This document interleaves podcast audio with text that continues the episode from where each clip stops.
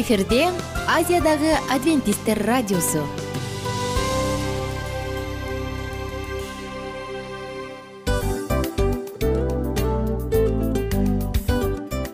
Салам достор. Ден соолук өмүр булагы. Жана биздин биринчи байлыгыбыз демекчи саламат саамы рубрикасына кош келдиңиздер. Бир да кишинин ооругусу келбегени айтпаса да түшүнүктүү. Анткени ооруганда жаныбыз кыйналганы аз келгенсип көп көйгөйлөр жаралышы да ыктымал. Андан тышкары жумушка же мектепке бара албай же үй бүлөбүзгө кам көрө албай калабыз. Ал эле эмес башка бирөөнүн бизге кам көрүшүнө муктаж болуп калышыбыз ыктымал. Ошон үчүн дарыланууга караганда алдын алуу жакшы эмеспи.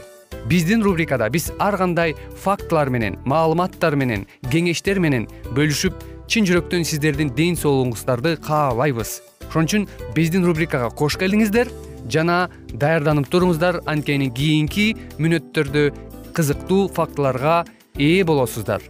Ошон үчүн достор эң биринчи байлыгыбызды колубузга алдык да алдыга жөнөдүк. Биз менен болуңуздар.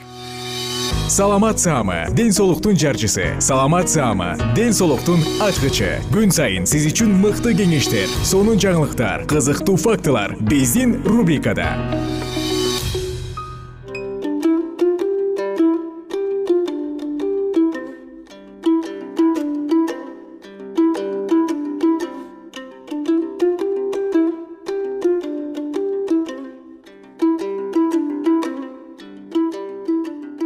амансыздарбы кадырман радио угармандарыбыз? Кайрадан эле сиздердин назарыңыздарда ден соолуктун ачкычтары программасы. Бүгүнкү программабызда дагы өткөн берүүбүздө биз сиздер менен сүйлөшкөндөй эле чылым чегүүнүн ден соолукка тийгизген таасири жөнүндө кеп козгогонбуз.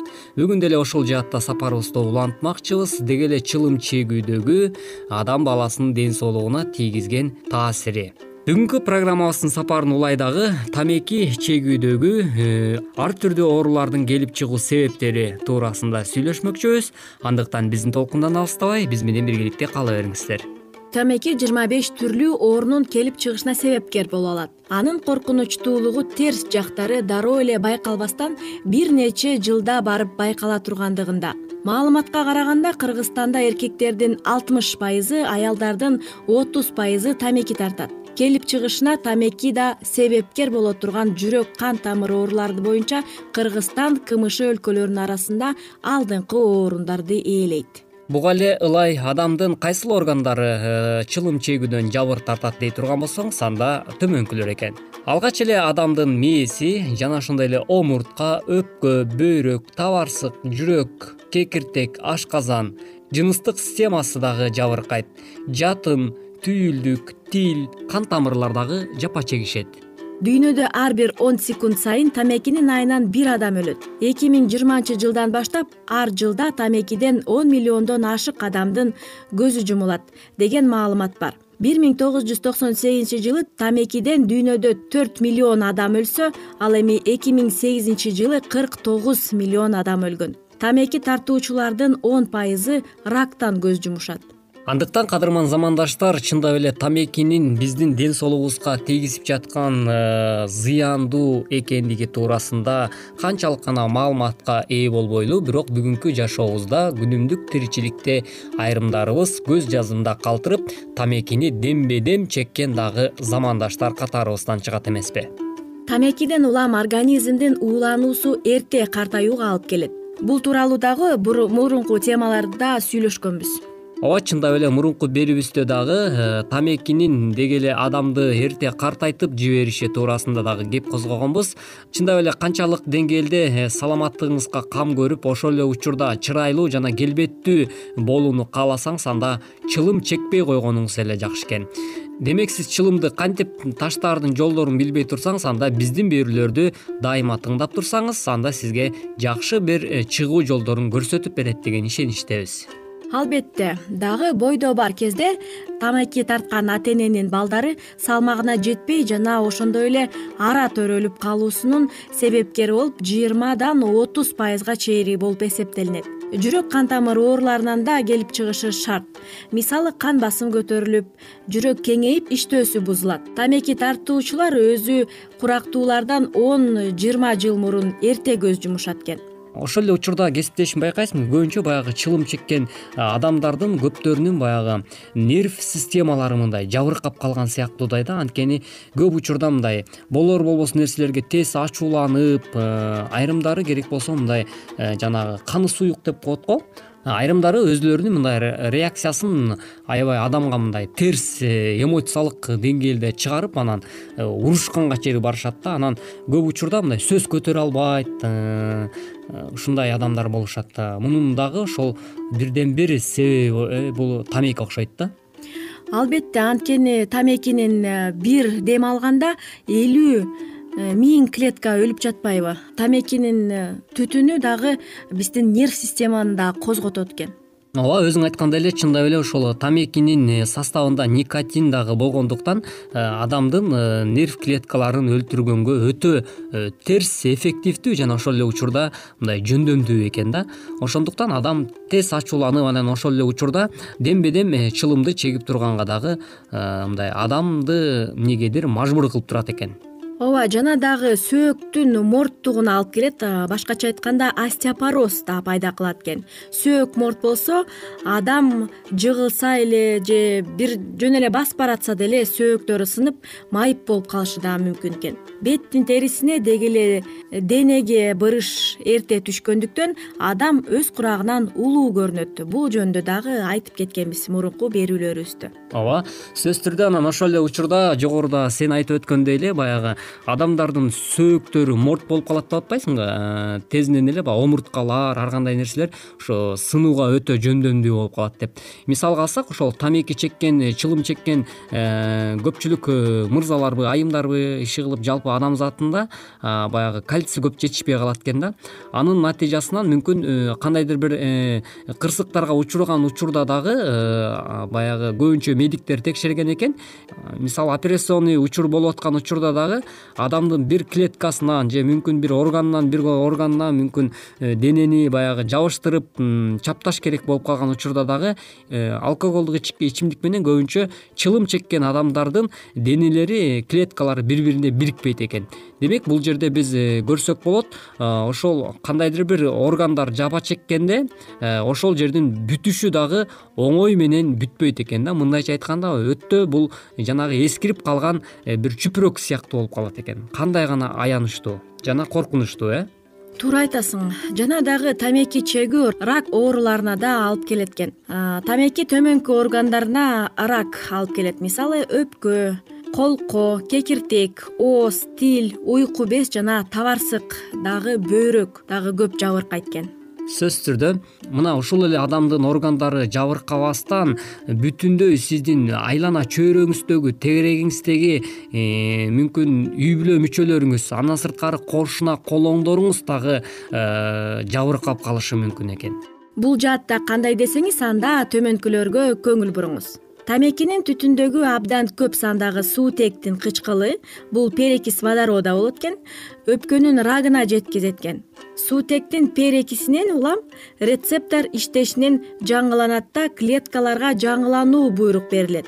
Клеткалар чексиз бөлүнө баштайт да оору алып келет экен мына ушундай э, тамекинин кесепетинен канчалаган органдарыбызды жапа чегип жатканын айрымдарыбыз сезбей да калат экенбиз. Андыктан ардактуу угарман өзүңүздүн саламаттыгыңызга кам көрүнү кааласаңыз анда сергек жашоого умтулуңуз деген тилек менен бүгүнкү программабызды жыйынтыктамакчыбыз кийинки берүүбүздөн кезишкенче сак саламатта болуңуз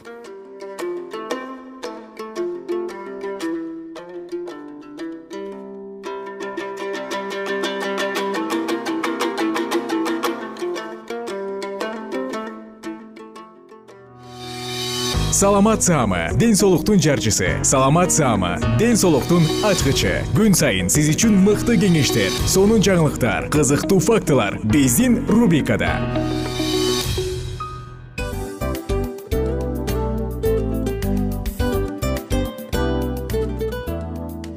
Салют замандаштар баарыңыздарга ысык салам.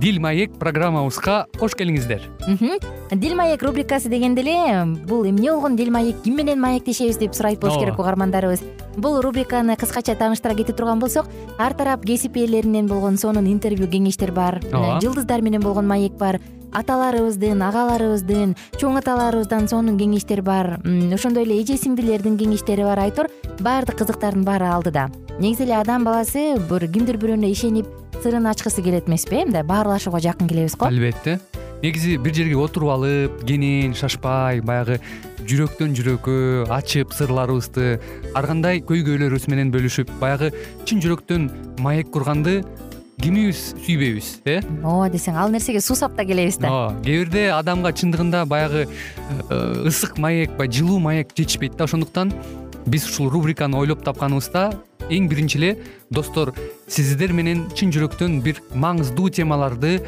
козгоп кеткени э, кааладык. Ошондуктан ушундай сонун бир рубриканы тартуулап жатабыз. Анын үстүнө радио дагы сонун дос да анткени э, мындай учурда досуңа айтсаң досуң досуна айтат досу досуна айтат да анан бүт өлкө билип калышы мүмкүн го. А радио болсо сени сатпаган сенин айыбыңды ачпаган сенин сырыңды эч кимге айтпаган сонун дос ошондуктан биздин алдыдагы айта турган кеңештерибизди биздин досторубуздун кеңештерин угуп анан ал жака пикириңизди дагы калтырып кайрадан биз менен байланышсаңыздар болот. Деги эле жашооңузга эгерде кичине болсо дагы өзгөрүү алып моралдык жактан ыалык жактан сонун бир кеңештерди алсаңыз демек биз максатыбызга жеттик. Ооба. Чыңгыз атабыз улуу жазуучу. Чыңгыз айтматов айткандай адам болуу бул күнүмдүк процесс экен. Күн сайын адам бойдон калуу бул адамзатка эң эле кыйын дейт э? э эң кыйын дейт. Чындыгында бунун э, негизинде адамдын эң баягы сапаттуулугу адамдын э, адамгерчилиги жана көптөгөн керектүү нерселер. Мына ошол темалар дагы бизде ушул дил маекте биз аларды да козгойбуз. Ден соолук жөнүндө да сүйлөшөбүз. Сөзсүз түрдө. Анан милан мырза негизи айтып коюшат го. Биз көбүнчө эмнени ойлонсок ошол нерсеге карата иш кылабыз го. Ооба. Анан анысы кандай балким бул радио баракчада кимдир бирөөнүн оюн текшергенге жардам берет кимдир бирөөнүн жүрөгүн текшергенге жардам берет. Балким кимдир бирөөгө жашоонун маңызын тапканга жардам берер. Айтор кызыктын баары алдыда бул жөн гана кыскача жарнама анда угармандарыбыздын баардыгын кийинки рубрикабызга чакырабыз. Ал эми кызматта маңдайымда отурган кесиптешим милан жана мен айнура. Анда эмесе биз даярдаган терең терең ойлор менен таанышууга кеттик. Алыс алыс баралык анда эмесе достор биз менен бирге болуңуздар. Алдыда эң кызыктуу маалыматтардын баардыгы бир нече мүнөттөр бою жалгыз гана сизге арналат. Мына ошондуктан жакшы маанай менен угууну каалайбыз. Үн алышканча. Жөнөдүк.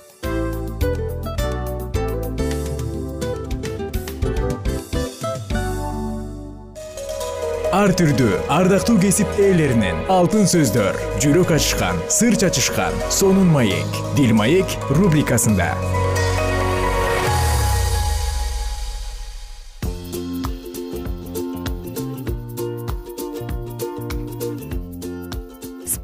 кандай таасир тийгизет? Бүгүнкү темабыз. Салам достор салам угармандар. Баардык замандаштарыбызга салам айтабыз. Спортсмендерге спортсмен айымдарга спортчуларга спорту сүйбөгөндөргө спорт менен машыккандарга машыкпагандарга айтор баарыңыздарга ысык салам. Аты жөнүм аку. Бүгүн сиздер менен дил маек уктуруусунда спорт кандай таасир тийгизет? Мына ушул жөнүндө сөз кылабыз ырасы азыркы күндөрдө акыркы убакта футбол бизде абдан сонун болуп саркеч өнүгүп келе жаткан чагы. Бүгүн интернет булактынан бир сонун видеону көрүп калдым. Бул бетке чапмай. Ким туруштук берсе ага байге беришет экен. Жөн гана алып туруп эле алакан менен бетке тарс этип чабат экен. Бул спорттун кандай пайдалуу жагы бар билбейм бирок бүгүн биз сөз кыла турган спорттун түрлөрү. Пайдалуу спорт. Анда эмесе кандай пайдалуу жагы бар эмнеси менен кызыктуу? Мына ушунун баардыгы алдыда. Спорттун түрлөрү жөнүндө айтсак балким алдыда ушул биздин уктуруубузду угуп аткан угармандарыбыз көрүп аткан көрөрмандарыбыз алдына комментарий кылып жазып кетишер ким кайсы түрүнө кызыгат экенин спорт негизи денеге күч келтирүү көпчүлүк үчүн жашоонун ажырагыс бөлүгү болуп калгандай. Туурабы? Анын ден соолукка пайдасы дагы абдан зор. Бул жөнүндө көп эле булактардан угуп келебиз көрүп келебиз өзүбүз деле жоон терибиз менен сезгенбиз анткени дайыма машыгуу менен ашыкча салмактан гана арылбастан көп тараптуу пайда алып келсе болот. Эмесе анын пайдалуу таасирлерин айтып берели. Спорт менен туруктуу машыктасаңыз биринчи эле кезекте туруктуу машыгуу булчуңдарды бекемдейт жана иммунитетти чыңдайт. Караңызчы адамдын иммунитети начарлаганда миңдеген миллиондогон дарттар жабышат. Тим эле бири биринен баягы жаандан кийин козу карынтаа болуп өсүп чыгат. Эгерде иммунитет күчтүү болуп турса ал адам баардык нерсени жеңе алат. Ошондуктан иммунитетти чыңдаш керек. Ал эми иммунитетти чыңоого спорт жардам берет. Булчуңдарды бекемдейт. Булчуңдарды тонуска алып келет. Эгер булчуңдар шалбырап баштаса анда адамдын түз өзүнүн баягы боюн кармаганы дагы өзгөрүлөт э. Баарыбыз балким сиз сиз деле уксаңыз керек. Булчуңдарды кандай машыктырсаң ошондой эле аларды кайра э, мындай бошотуп туруш керек муну да билиш керек. Ошондуктан бекемдечү булчуңдарды бекемдеш керек болсо анда спорт менен машыгыңыз. Кийинки кезекте спорттун пайдалуусулугу жарым сааттык машыгууда беш жүз килокалорий жоготсо болот. Демек машыгуу зат алмашууну жакшыртат. Өзгөчө ии ушу арыкташ керек эле деген айым мырзалар үчүн бул да болсо пайдалуу. Элестетиңиз жарым гана саат машыгуу менен беш жүз килокалорийди жоготуп коесуз. Спорт адамды дисциплинардуу болуп тарбиялаганга жакшы курал. Спортсмендер таң атпай беш жарым алтыда турушат чуркашат убагында жуунушат убагында тамактанышат. Тамакты туура тандап жешет сууга убактысында түшөт убагында уктап убагында турат айтор карап отурсаң адамды дисциплинардуу кылат ошондуктан спорт менен машыгыңыз. Өзгөчө кичинекей балдарды тарбиялаганга моюн сунбай жатса анда спорттун кайсы бир түрүнө жаздырып коюңуз.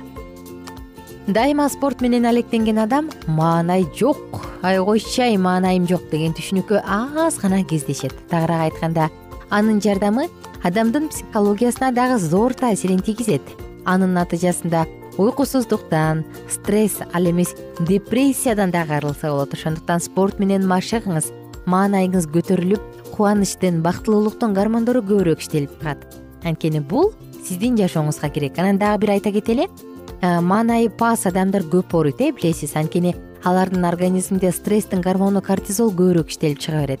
Ал эми маанайы жакшы адам бактылуулуктун гормону көп иштелип аткан адам аз ооруйт ооруса дагы бат жеңет. Анткени анда ушул туура жакшы гормондор көп иштелип чыгып турат.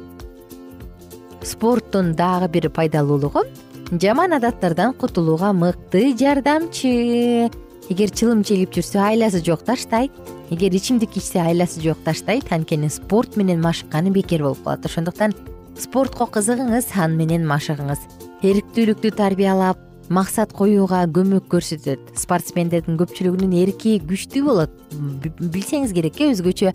Мушташса деле жок жеңилип калса деле жок. Мен эмки жолу жеңем дейт дагы белди бекем бууп кайра эле рингти көздөй жөнөшөт ошондуктан достор спорттун кайсы гана түрү болбосун бир түрүнө кызыгып ошону менен машыгыңыз. Туруктуу машыгуу кан айланууну жакшыртып сөөктөрдү бекемдейт ой остеопороз артроз кандай гана оорулар бар? Сөөктөрү начар болгон сөөк аалсыз болгон. Мына ушунун баардыгын алдын алган спорт. Туруктуу машыгыңыз кан айлануу жакшыра турган болсо организмде кан кислород менен жакшылап камсыздалып жүгүрүп турса анда демек көптөгөн ооруларды алдын алса болот. Спорттун кайсы түрү менен алектенсеңиз анчалык маанилүү эмес. Маанилүүсү сиз андан ырахат алып кубанып машыгасызбы андыктан ден соолукту чындайм деген угармандардын баардыгын оорусуз жашоого үндөп кетмекчибиз. А бул пайдалуу деп туруп эле көңүлүңүзгө жакпаса дагы машыгуу эмес. Маанилүүсү сиз андан ырахат алып сүйүп чын жүрөктөн машыгууңуз. Ошондо анын результаты жыйынтыгы күттүрбөстөн келет. Достор спорт менен машыгыңыз өзгөчө үйдө кичинекей балдарыңыз бар болсо анда аны спорттун кайсы бир түрүнө жаздырып коюңуз? Кайсы жагат деп? Албетте бул анын ден соолугуна коркунуч туудурган кооптуу коркунучтуу эмес сөөктөрдү сындыра турган эмес жеңил жана ден соолукка таасир тийгизе турган. Спорт деле дене көнүгүүсү сыяктуу өлчөмү менен өз өзүнчө бир убактысы менен болгон жакшы. Эгер ал ашыра болуп кетсе анда организм жабыркай баштайт. Эгер ал жетишпей калса а өтө аз болуп калса анда анын эффектиси байкалбайт керектүү өлчөмдө боло турган болсо анын эффектиси да байкалат ден соолукка тийгизген таасири дагы сөзсүз көп күттүрбөй келет. Айымдар жана мырзалар сууга сүзүңүздөр. Волейбол баскетбол ойноңуз. Секириңиз скалкалка кандайдыр бир кайсы бир атайын каражаттарды колдонуп ал жакта машыгыңыз. Ар кандай машинкалардын жардамы менен машыгыңыз. Сууда сүзүңүз кайык айдаңыз кайыкта ары бери жүрүп кататься этиңиз айтор баардыгы сизге ырахат тартууласын пайдалуу менен жагымдууну айкалыштырып ден соолугубузду чыңдай берели. Ал эми сиздердин жалпыңыздарга кааларыбыз. Көңүлдүү күн кийинки уктуруудан амандашканча сак саламатта калыңыздар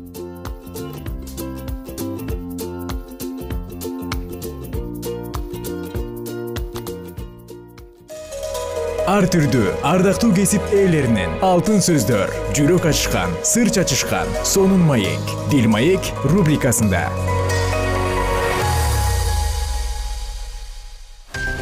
Жан дүйнөңдү байыткан жүрөгүңдү азыктанткан жашооңо маңыз тартуулаган жан азык рубрикасы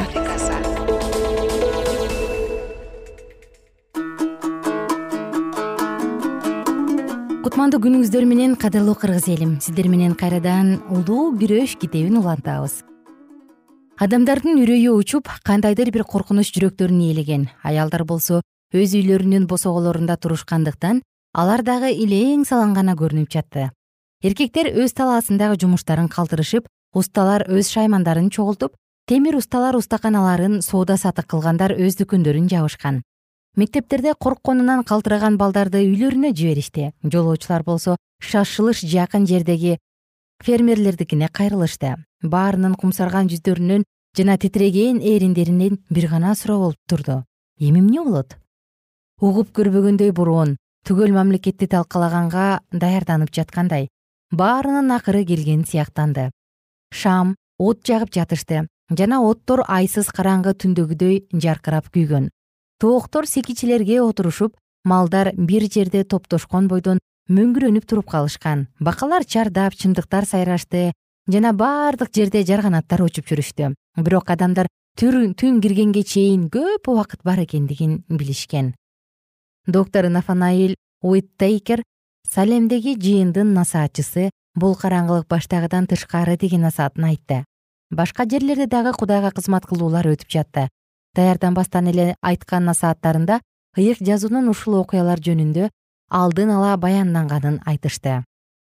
Өзгөчө караңгылык түшкү саат он экиде болгон. Мамлекеттин көп жерлеринде караңгылык ушунчалык түнт болгондуктан шамсыз саатты дагы кароого тамактанууга башка бир нерсе кылууга мүмкүн эмес болчу. Өтө чоң аймак караңгылыкка кабылган фалмаутыдан чыгышты көздөй. Коннектикутанын батыш чегине чейин жана албанияны курчаган. Түштүк тарапта караңгылык бүткүл деңиз жээктеринде ал эми түндүк тарапта болсо американын алыскы аймактарына чейин созулуп турду. Күн батаарына бир эки саат убакыт калганда гана караңгылык тарап асмандын бир бөлүгү ачылган жана күн шууласы тийип бирок кара туман баштагыдай эле тосуп турду. Күн баткандан кийин асманды кайрадан караңгы булут басып бат эле көзгө сайса көрүнгүс болуп калды айдын толуп турган мезгилине карабастан шамсыз эч нерсени ажыратып билүү мүмкүн эмес болчу. Египеттеги караңгылык саякаттанып жанган жарыктан кошуналардын үйүн көрүү кыйын эле. Ошол окуяны көргөн дагы бир адам мындай деп айтат.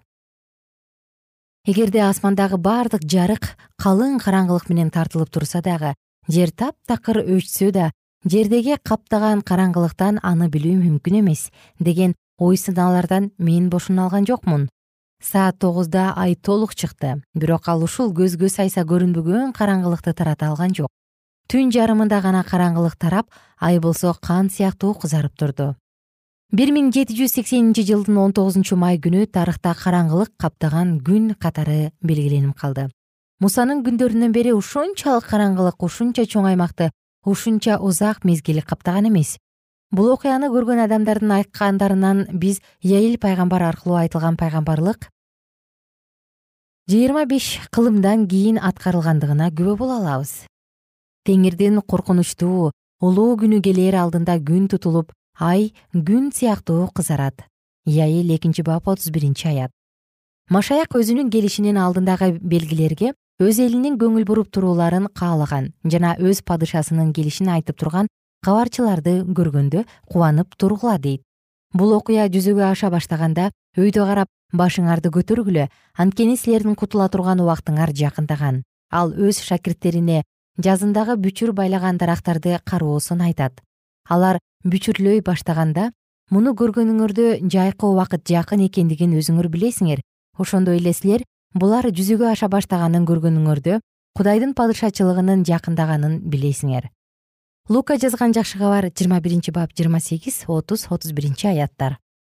Бирок кудайга карата момундук жана ишенимдүүлүк көргөзгөн рух текебердик жана формализм рухуна жол берип ыйсага болгон сүйүү жана анын келишине болгон ишеним салкындап калган. Дүйнөгө керектүү тириклекте берилгендик жана кумарлардын артынан жүгүрүү менен адамдар алек болууда ал эми өздөрүн кудайдын элибиз дегендер куткаруучунун экинчи келишиндеги белгилер жөнүндөгү айткан насааттарына көңүл бурушкан жок экинчи келүү жөнүндөгү окутууларга маани берилбей буга байланыштуу ыйык жазуунун аяттары башкача талкууланып жана башкача түшүндүрүлгөн жыйынтыгында экинчи келүү жөнүндөгү чындык унутулуп калды. Өзгөчө бул америка жыйындарына таандык эркиндик жана жашоонун жакшырышы баардык даражадагы адамдарда болгондуктан байлыкка жана жыргалчылыкка умтулуу белгилүү адам болууну эңсегендик баардык адамдарга бирдей эле жете турган нерсе катары сезилет. Жана ушул нерселердин баары адамдарды жердик нерселерге кармоого мажбурлайт.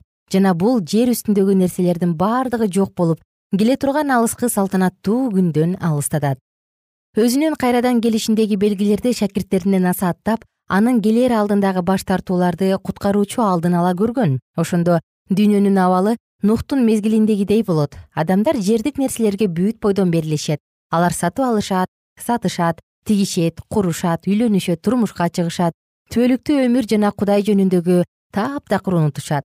Биздин мезгилде жашап жаткан адамдардын баарына куткаруучу мындай деп эскертет. Өзүңөрдү байкагыла. Көп жеп ичип мас болуп турмуштук түйшүктөргө берилип жүрөгүңөргө оордук келтирбегиле жана ал күн силерге кокусунан келип калбасын. Ошентип баардык мезгилде сергек болуп боло турган бул баардык аламаттардан кутулууга жана адам уулунун алдына келип турууга ийкемдүү болуш үчүн сыйынгыла лука жыйырма биринчи бап отуз төрт отуз алтынчы аяттар. Бул мезгилдеги жыйындын абалын машаяк мындай деп мүнөздөйт сен тирүү сыяктуу ысымыңды алып жүрөсүң бирок сен өлүксүң. Аян үч бир илең салаңдыктан чыккысы келбеген адамдарга карата мындай деген аярлаган сөздөр айтылган эгерде сен сергек болбосоң мен сага ууру сыяктуу келем жана менин кайсыл саатта келеримди билбей каласың. Аян үч үч. Ардактуу достор сиздер менен бүгүн дагы улуу күрөш китебинен дагы бир үзүндү окуп өттүк. Окуянын уландысын кийинки уктурууда биз менен бирге тыңдаңыз. Жалпыңыздардын күнүңүздөр көңүлдүү улансын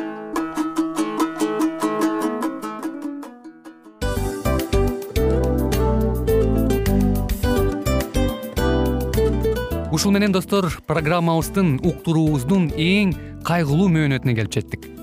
Кайгылуу дегенде ыйлагым келип кетти кесиптеш. Кадимкидей. Анткени баягы учурашасың анан коштошуу учур келгенде ии кантип ии эми бат баттан келиптир э сагындырбай деп атып араң коштошобуз го. Анысы кандай угармандарыбыз менен коштошчу учур келди кийинки уктурууларды сагыныч менен жүрөгүбүздө кусалык менен күтөбүз жалпыңыздарды анан жарым сааттык уктуруу көз ачышым канча өтүп кетти.